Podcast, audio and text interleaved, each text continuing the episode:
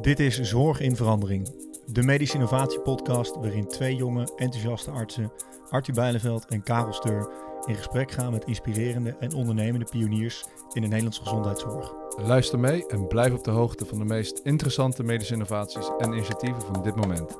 Hierdoor weet jij welke veranderingen er aankomen voor jouw vakgebied en daarbuiten.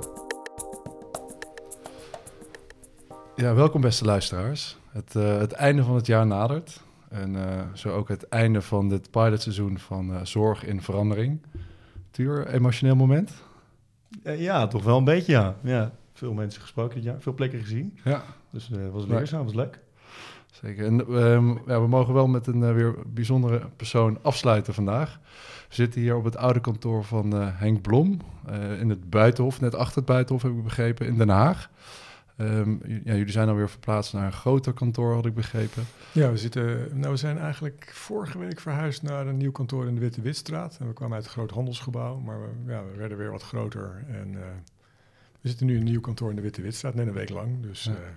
Ja, kijk, dat, nou, daar zitten we met veel plezier. Ja, ja okay, mooi. Nou goed, het is uit het kantoor gegroeid. Dat is altijd een goed uh, ja, teken. Ja. Um, Henk, voordat we jou verder gaan uh, introduceren en uh, wat ja, wie jij bent en wat consultassistent precies doet, willen we even nog beginnen met een persoonlijke vraag van of er nog iets veranderd is in het persoonlijke of werkende leven recent. Um, nou ja, het, het, belangrijkste denk ik is, en dat is heel gek, maar ik ben bijna 60 en uh, dan zijn je kinderen heel belangrijk. En mijn kinderen zijn bijna allebei klaar met de kooschappen. En dat vind ik wel heel mooi om te zien dat ze goed gaan, dat ze het naar hun zin hebben, dat ze blij zijn met hun keuze. En dat ze, nou ja, 30 jaar achter mij nu de zorg inkomen en er net zoveel zin in hadden als ik dat nu heb. Okay. Of, dus als ik dat toen had, moet ik eigenlijk zeggen. Ja. Dus, en nu nog steeds?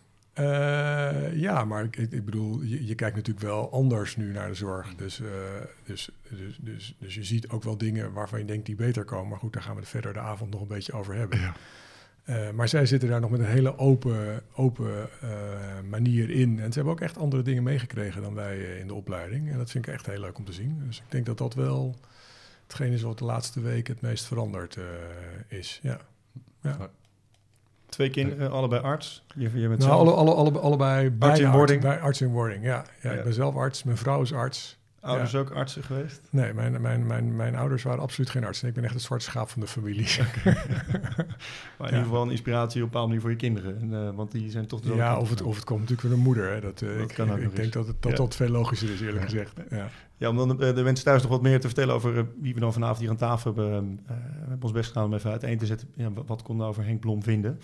Um, je hebt geneeskunde gestudeerd in Leiden. Ja. Uh, daarna ben je in opleiding gekomen tot KNO-arts. Die heb je volbracht en heb je een verdere verdieping gezocht in de otologie. Ja. Wat betekent dat je alles weet van de oren. en daarnaast ook kinderen. Dus kinderen ja. met, met KNO-problematiek. Um, je bent neergestreken in Den Haag, waar je nu al ruim 20 jaar werkt als KNO-arts binnen het Haga ziekenhuis. En daarnaast, uh, naast praktiserend KNO-arts, ben je ook een bevlogen opleider van aankomend KNO-artsen. Ja. Um, je doet graag onderzoek. Je bent bestuurslid van de KNO-vereniging van Nederland. Geweest. Geweest. Ja. Uh, en sinds twee jaar uh, gastprofessor aan de Universiteit van Antwerpen. Ja. Wat volgt uit een samenwerking om uh, nieuwe operatietechnieken te leren en nu te introduceren in Nederland. in Ja. baanbrekend binnen een van de ziektebeelden binnen de KNO. Ja. En dan zijn we nog niet eens begonnen over consultassistent. Ik weet, hoeveel uren zitten er voor jou in een dag?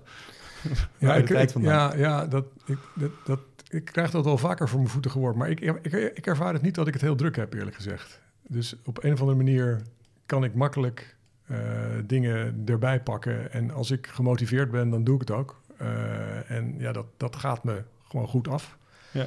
Dus uh, ja, het, ja. Ja, fijne persoonlijke eigenschappen. ja, ja, Ik, heb, ik heb niet zoveel moeite en ik vind druk lekker. En ik vind hoe meer chaos, hoe beter. Dan, uh, dan functioneer ik eigenlijk ja. het beste. Okay.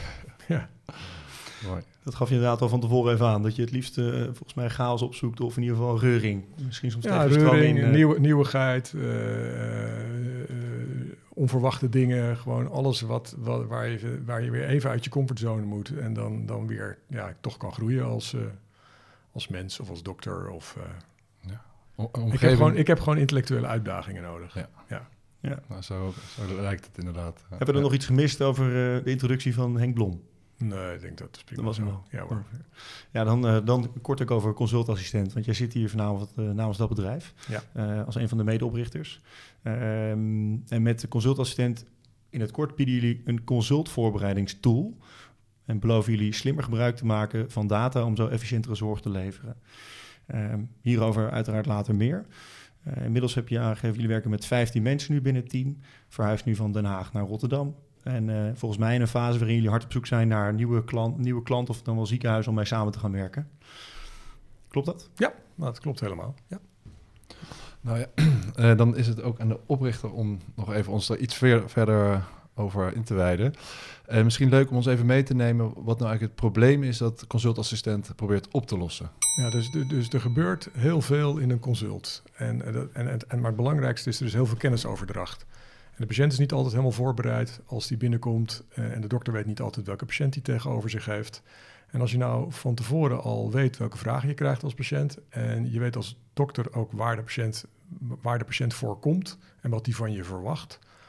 dan kun je eigenlijk veel beter... dan kan je veel inhoudelijker, veel beter gesprek hebben. Ook een veel gelijkwaardiger gesprek.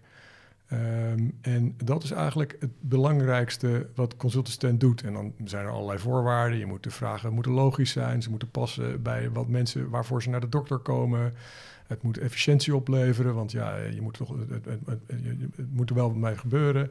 De data die daaruit komt, die moet je dan zo opslaan dat je er ook weer de zorg beter mee kan maken. Dus, maar het belangrijkste is gewoon dat, dat je als patiënt weet, wat wil die dokter nou van mij weten? En als je dok, dat je als dokter weet, wat, eh, eh, waarvoor komt die patiënt eigenlijk? Wat kan ik voor die patiënt betekenen? En als je dat voor heel veel patiënten doet, dan verzamel je heel veel gegevens. En dan kan je misschien ook gaan voorspellen eh, waarom iemand komt, of gaan voorspellen welke aanvullende onderzoeken die nodig heeft. Of gaan voorspellen zelfs van nou, als we deze behandelkeuze maken, dan is het over zes maanden zo met jou. Ehm, en dat, want daar komt het eigenlijk allemaal in het begin van. Het is begonnen uit een onderzoek wat ik mid jaren negentig gedaan heb. Ja. We, lopen, we lopen hard van stapel. Ja, mij- dit, ja nee, dit, dit was ook meteen eigenlijk een hele mooie elevator Ja. pitch. Ja, nee, Ja, ik denk oké, nou, zeker. ja, ja, het is, eh, we, we- we zijn klaar. Ja. Oké, nou, nee, nee.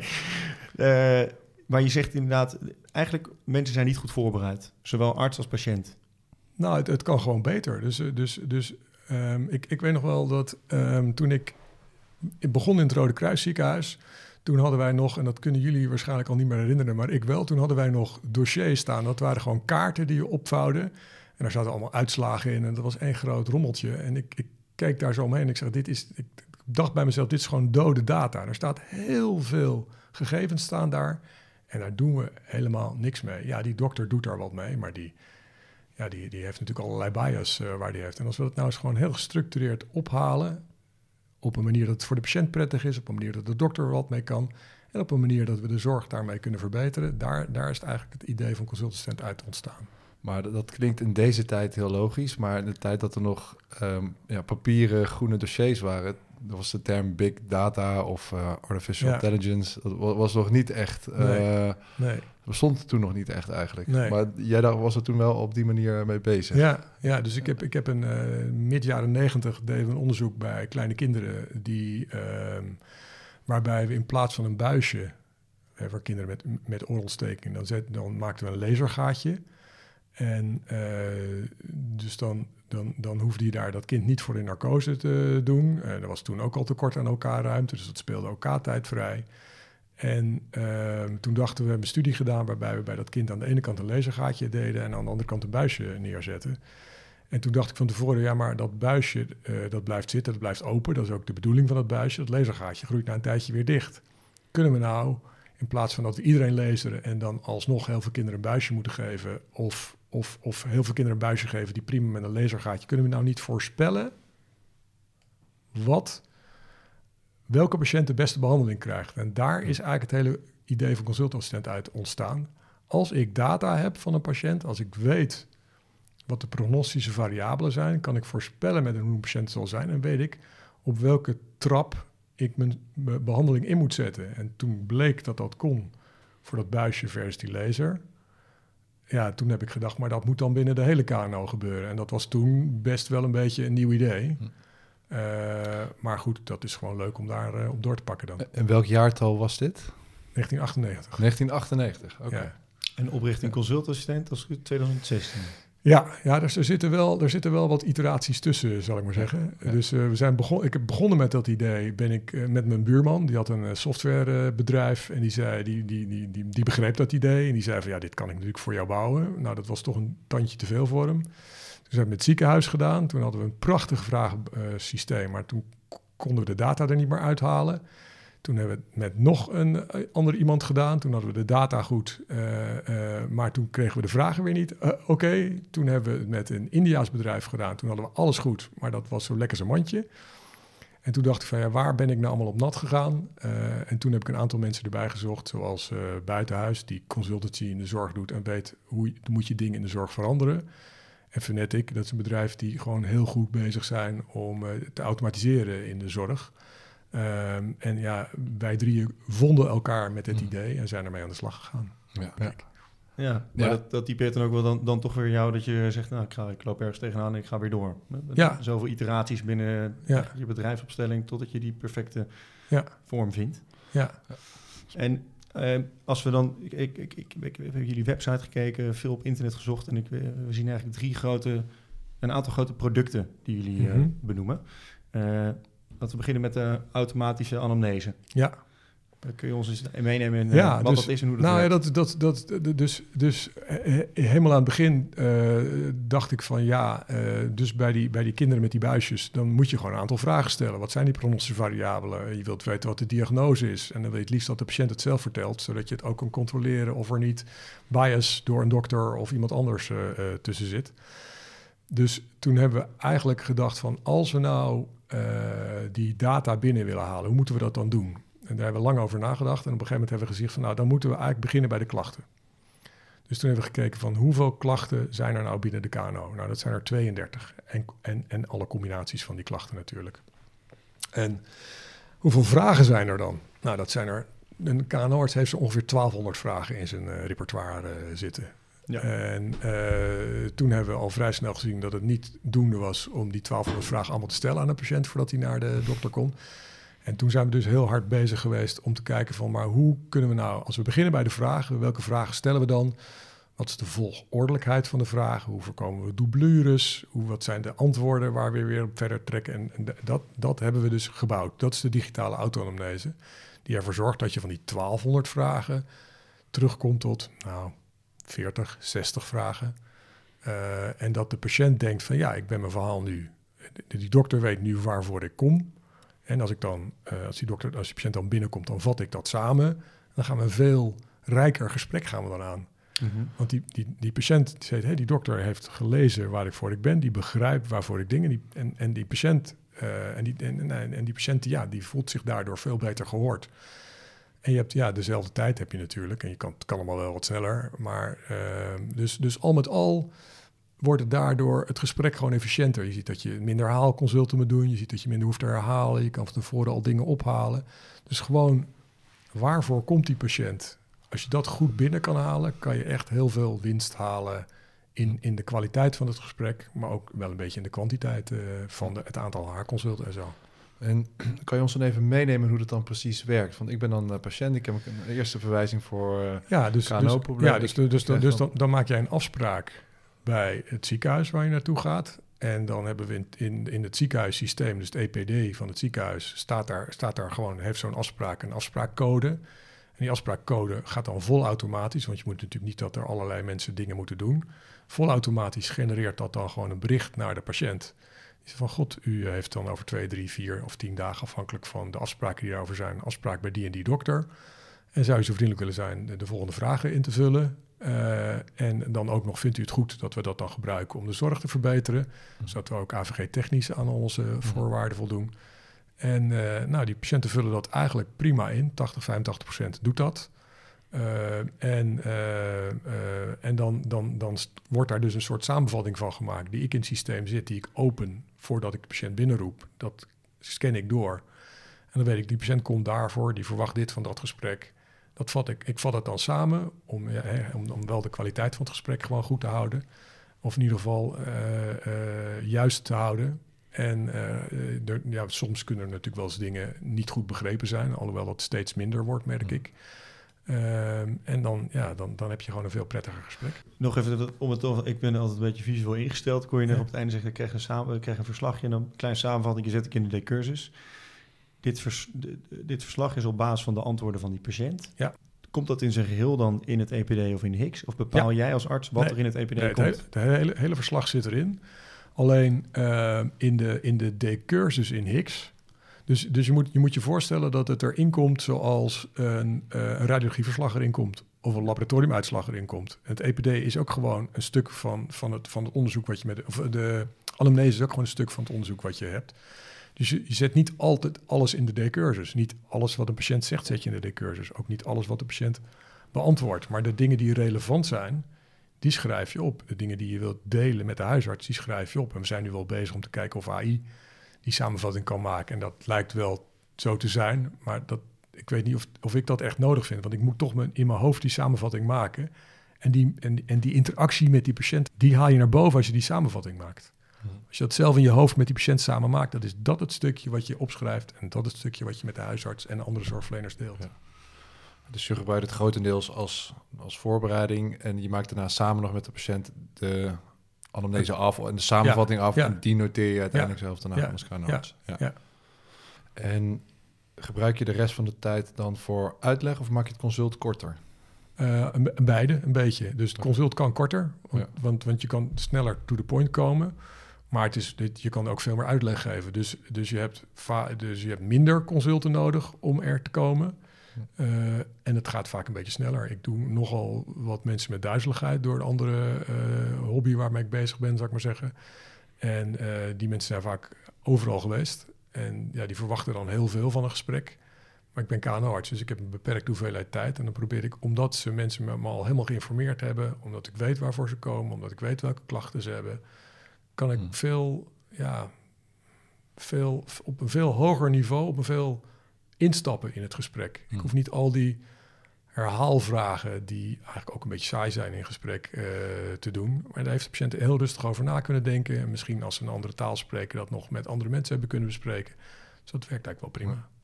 Dus om het dan eens een heel concreet te maken, is de, de huisarts, dit is namelijk het, het, het alternatief zou zijn de verwijzing van de huisarts. Die, die, die zegt bijvoorbeeld, ik ver- verwijs een 40-jarige man met duizeligheidsklachten.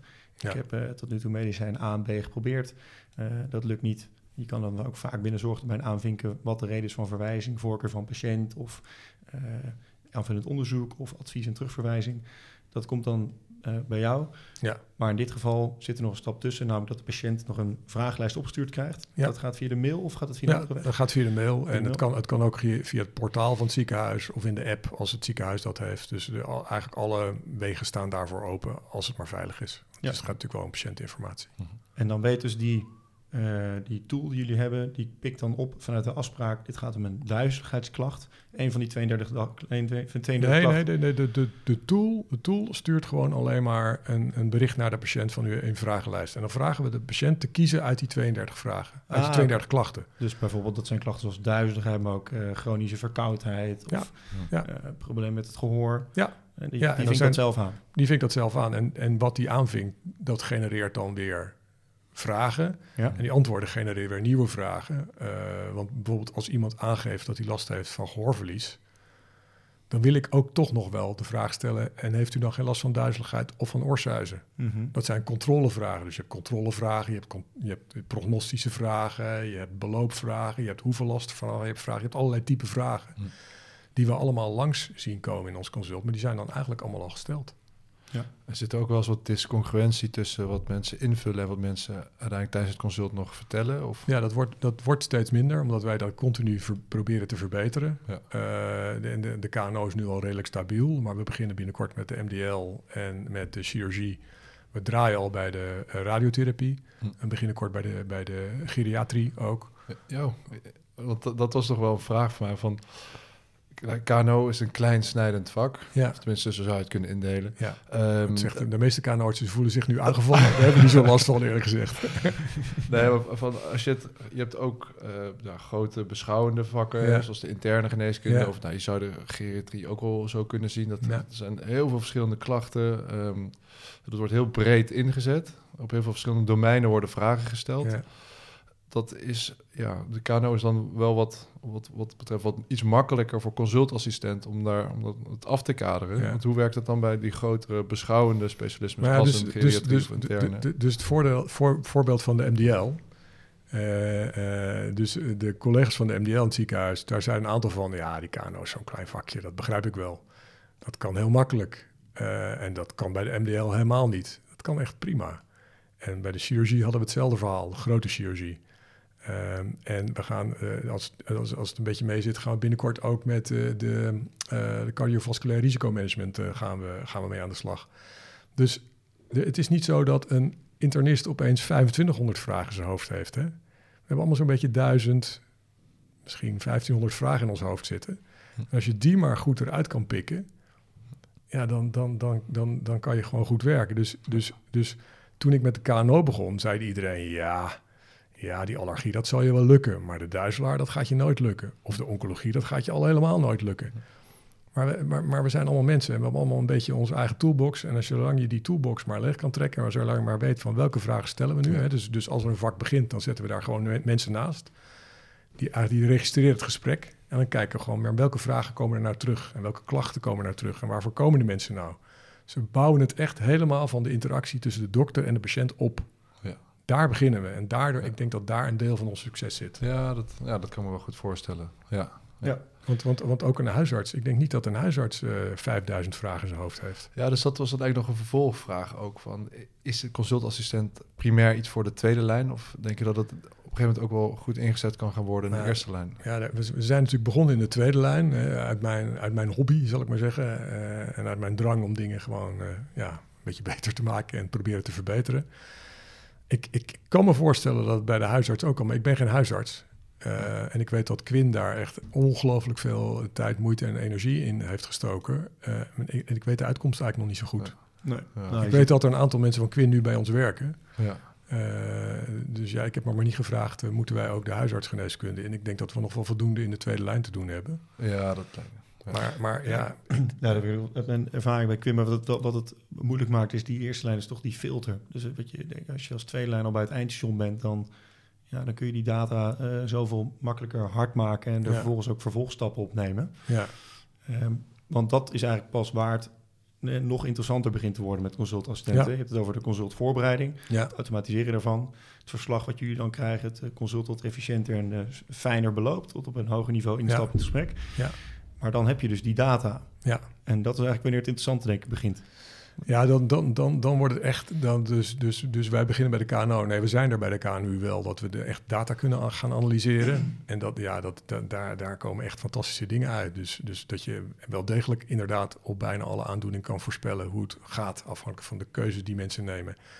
Dat is natuurlijk altijd de grote vraag, is dan, is, zijn dat dan causale relaties of associaties voor de, de, de scherpslijper die eh, luistert? Maar, eh, maar we vinden ze wel, die eh, verbanden. Hè? Dus om een voorbeeld te geven, wat ik echt een ongelooflijk intrigerende bevinding vind, is dat als jij als patiënt naar een dokter gaat met een verhaal, en dat is een beetje standaard opgetekend verhaal, want dat doen we met consultassistent. We, proberen het verhaal een beetje te standaardiseren. Tuurlijk, elke patiënt is uniek, maar er zit aan, in elk verhaal zit gewoon zit er een aantal standaard blokken die je wil weten. En als je dat ophaalt en je gaat naar een dokter, dan verwacht je toch dat het niet uitmaakt bij welke dokter je terechtkomt, wat er vervolgens bijvoorbeeld aan diagnostiek gebeurt. Hm. Dat is toch geen rare aanname. Nee. Ja, ik zie, Nee, ik, zie, nee. ik, tuur- ik zie jou een klein beetje Ja, nou, je zou kunnen zeggen dat misschien een KNO's met specialisme otologie eh, net wat minder eh, zit in eh, problematiek aan de neus. Ja, Dus dat, eh, puur, puur daarom. Maar de, de algemene KNO zou inderdaad... eh, moet een beetje hetzelfde doen. Nou, Ja. Als je, als je, als je kijkt naar eh, binnen onze maatschap, en dat zijn eh, mensen die al lang samenwerken, sommige, met sommige mensen werk ik al twintig jaar samen. Eh, we bespreken patiënten, we hebben overleg, we hebben multidisciplinair overleg. Als je dan gewoon kijkt naar wat is nou de kans dat als je bij de KNO-arts binnenkomt, dat er bijvoorbeeld een fibroscopie gedaan wordt. Dat er met een klein slangetje in de neus gekeken wordt naar je stembanden.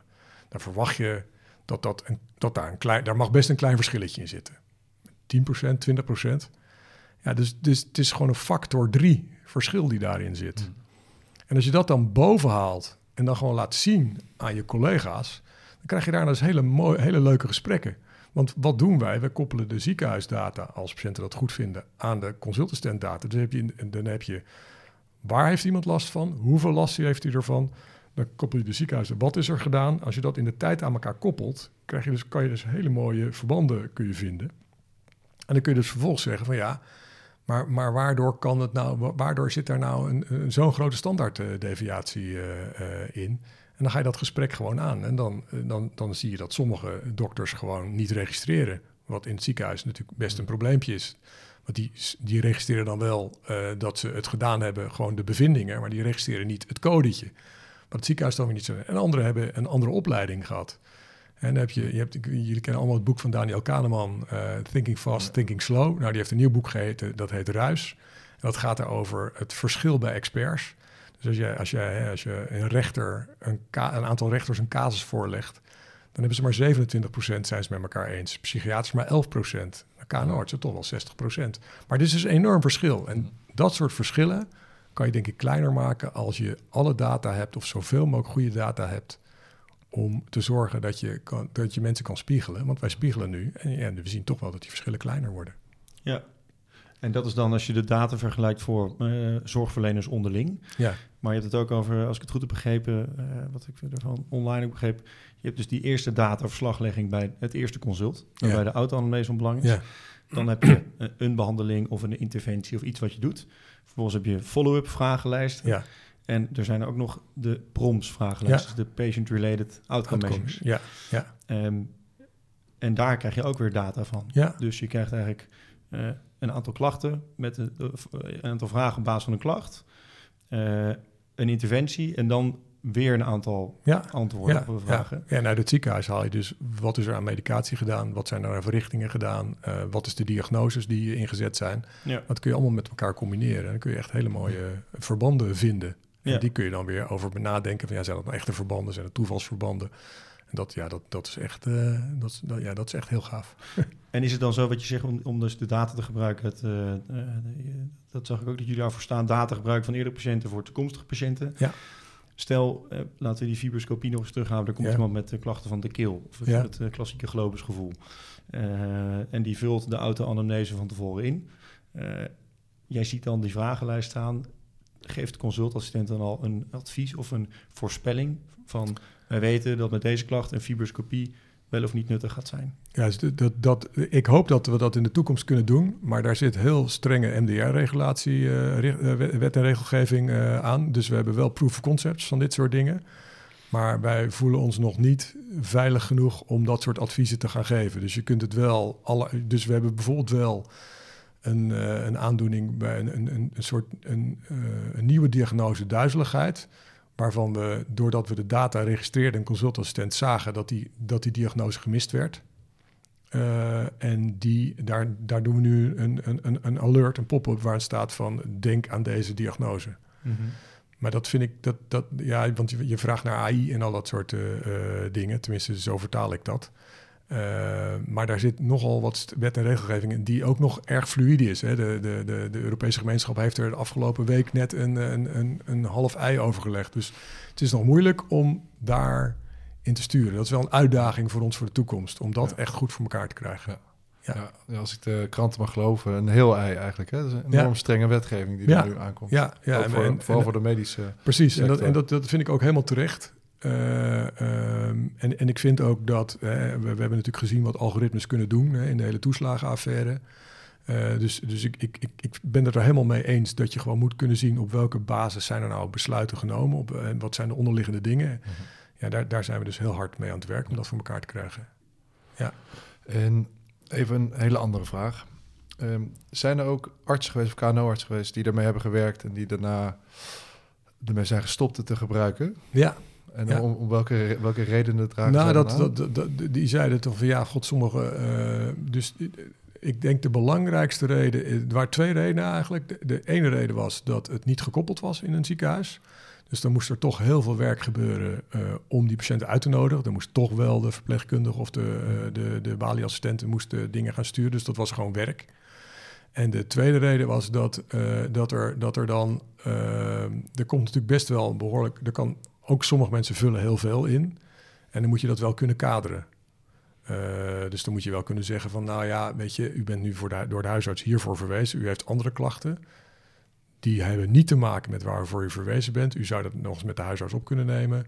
Uh, en dat, dat kost even tijd. Hmm. Dus, uh, dus dat. Ja, oké, want dat is natuurlijk die keuzevrijheid die de patiënt zelf heeft om dat in te vullen. En, Ja. nou ja, ja je hebt, kan me dat helemaal voorstellen dat er patiënten zijn die, die gaan, willen een hele, Ja. hele ei kwijt. Ja, nee, maar je hebt, je hebt mensen die inderdaad die vullen, die vullen, die nemen, die denken van god, hier ga ik even voor zitten. Ja. Ik, vul, ik vul alle klachten in, in, in de, de gedachte dat ze de Ja. dokter daarmee heel goed helpen. Maar die moet zich natuurlijk wel focussen op, op waar, die, waar die patiënt voor verwezen is, waarvoor die komt. Ja, zo zit onze zorg nu in elkaar. En zien jullie dan ook nog verschillen tussen mensen met eh, die geen of een lage opleiding hebben en een hoge opleiding? Want daar zouden dan ook verschillen moeten zitten. Want de ene groep zal het beter invullen dan de andere groep. Ja, dus, dus, dus daar hebben we nog geen onderzoek naar gedaan. We, hebben wel, eh, we testen het altijd wel in, bij 100 eh, eh, mensen voordat we, voordat we überhaupt starten, voordat we het echt op patiënten voor de eerste keer loslaten.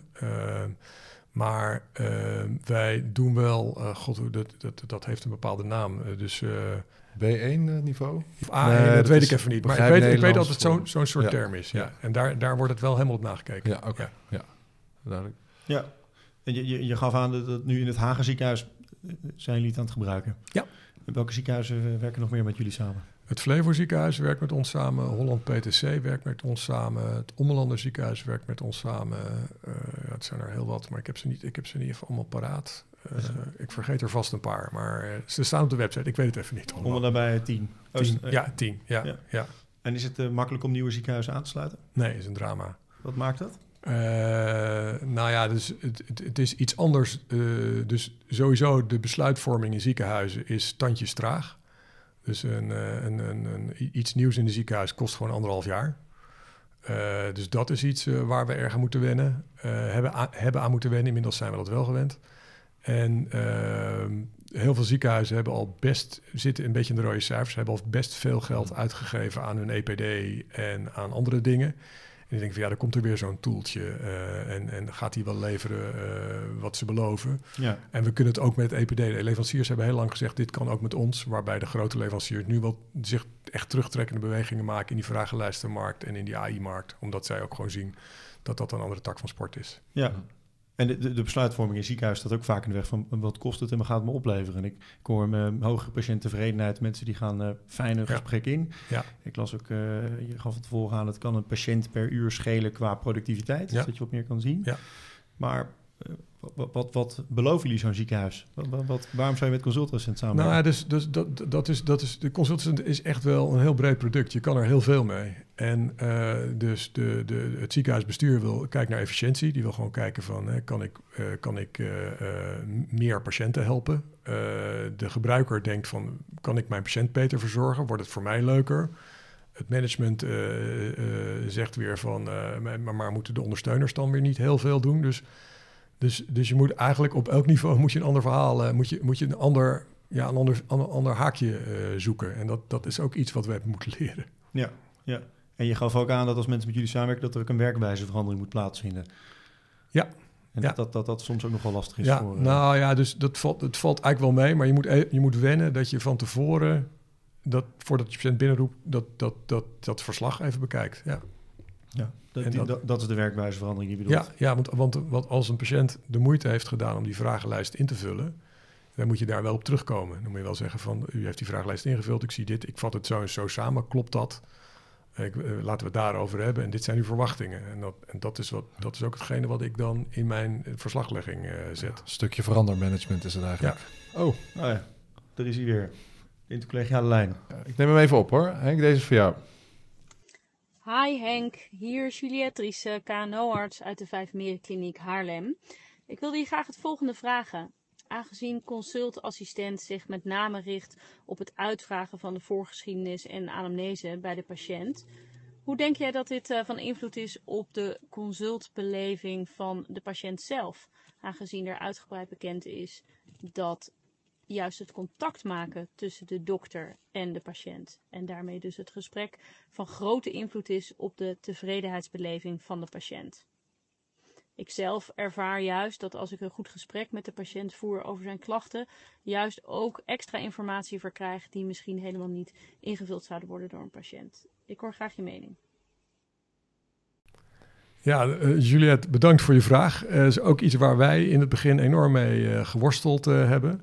Maar wat we merken is dat het gesprek juist veel rijker wordt, omdat de patiënt beter voorbereid is en je zelf beter voorbereid bent. Dus, ehm, dus, dus, dus eigenlijk vinden wij het gesprek inhoudelijker, beter en is, er, is er een groter trust level, zal ik maar zeggen. Omdat je, omdat je, ja, je stapt gewoon veel hoger in het gesprek. Dus dus het is iets waar wij ook mee geworsteld hebben, maar waar we gelukkig van gezien hebben dat het, dat het juist andersom is.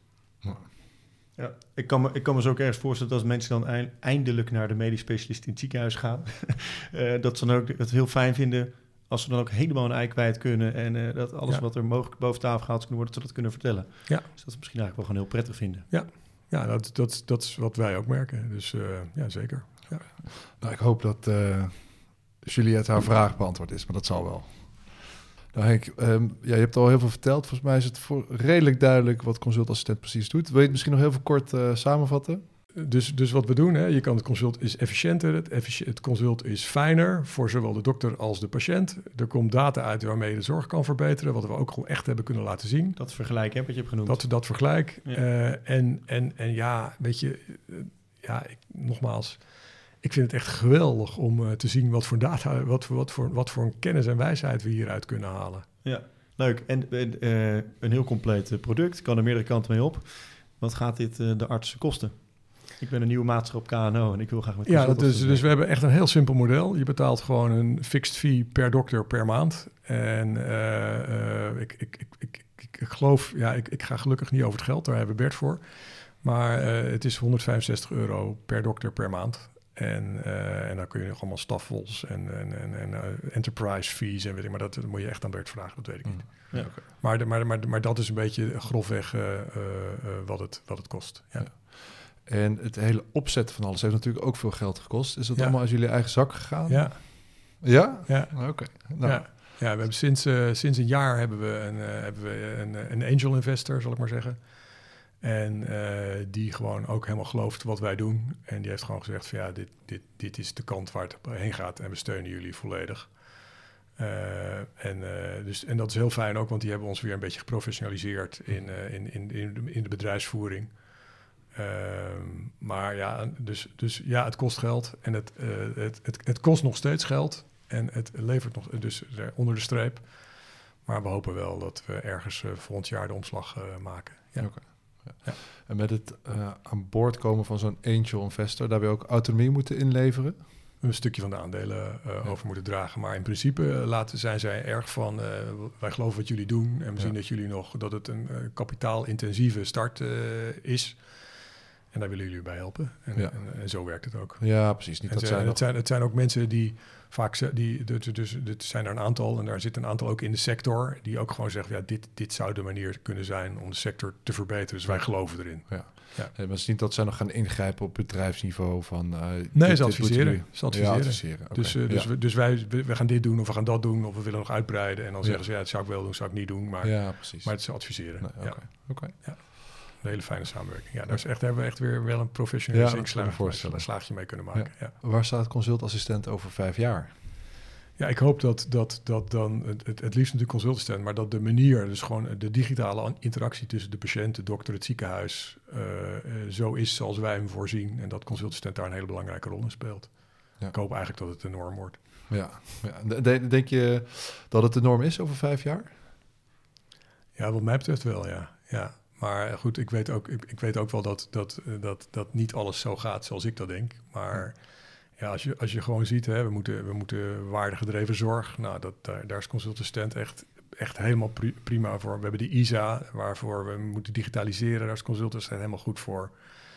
Uh, we, ja, weet je, aan, aan alle kanten. We moeten steeds meer wet en regelgeving waar we aanval moeten doen. Compliance. Nou, omdat je, dus vroeger moest je dat allemaal opschrijven de patiënt zei. Of nee, vroeger schreven we niks op. En nu moeten we heel veel opschrijven. Maar het is heel fijn dat de patiënt al heel veel dingen heeft vastgelegd. Hmm.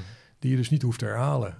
Uh, en die je dus in je decursus zet je een heel klein samenvattingje. Maar gewoon al die dingen die je nodig hebt, gewoon voor je, voor je met een regelgeving, heb je wel netjes vastgelegd. Ja. Dus we zitten gewoon echt aan alle kanten werkt het heel prettig. Ja, dus alle seinen staan op groen in ieder geval. Wat mij betreft wel, ja. Okay. ja, ja. Interessant. Ja, Leuk daar je-. Ja, inspirerend. eh, echt leuk om te zien. Ja. Ja, Ja, Dat ja. Allemaal zo na- naast eh, vier dagen werk als KNO-arts. hè. Ja. Dat, eh, Ja.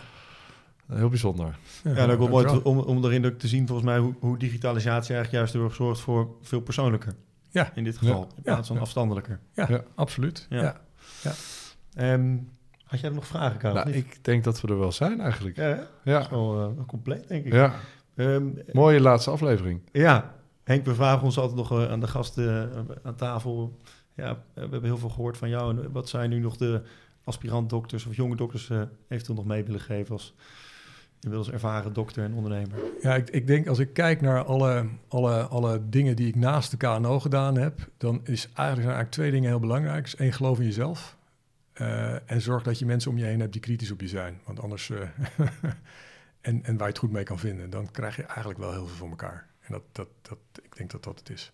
Ja, Ja. leuk. Nou, ik denk mooie afsluitende woorden voor de zesde aflevering en voor dit seizoen van Zorg in Verandering. Ja, zeker. Was hem. Dat was Dank jullie wel. Ja, Henk, hartelijk dank. En Jullie eh, bedankt.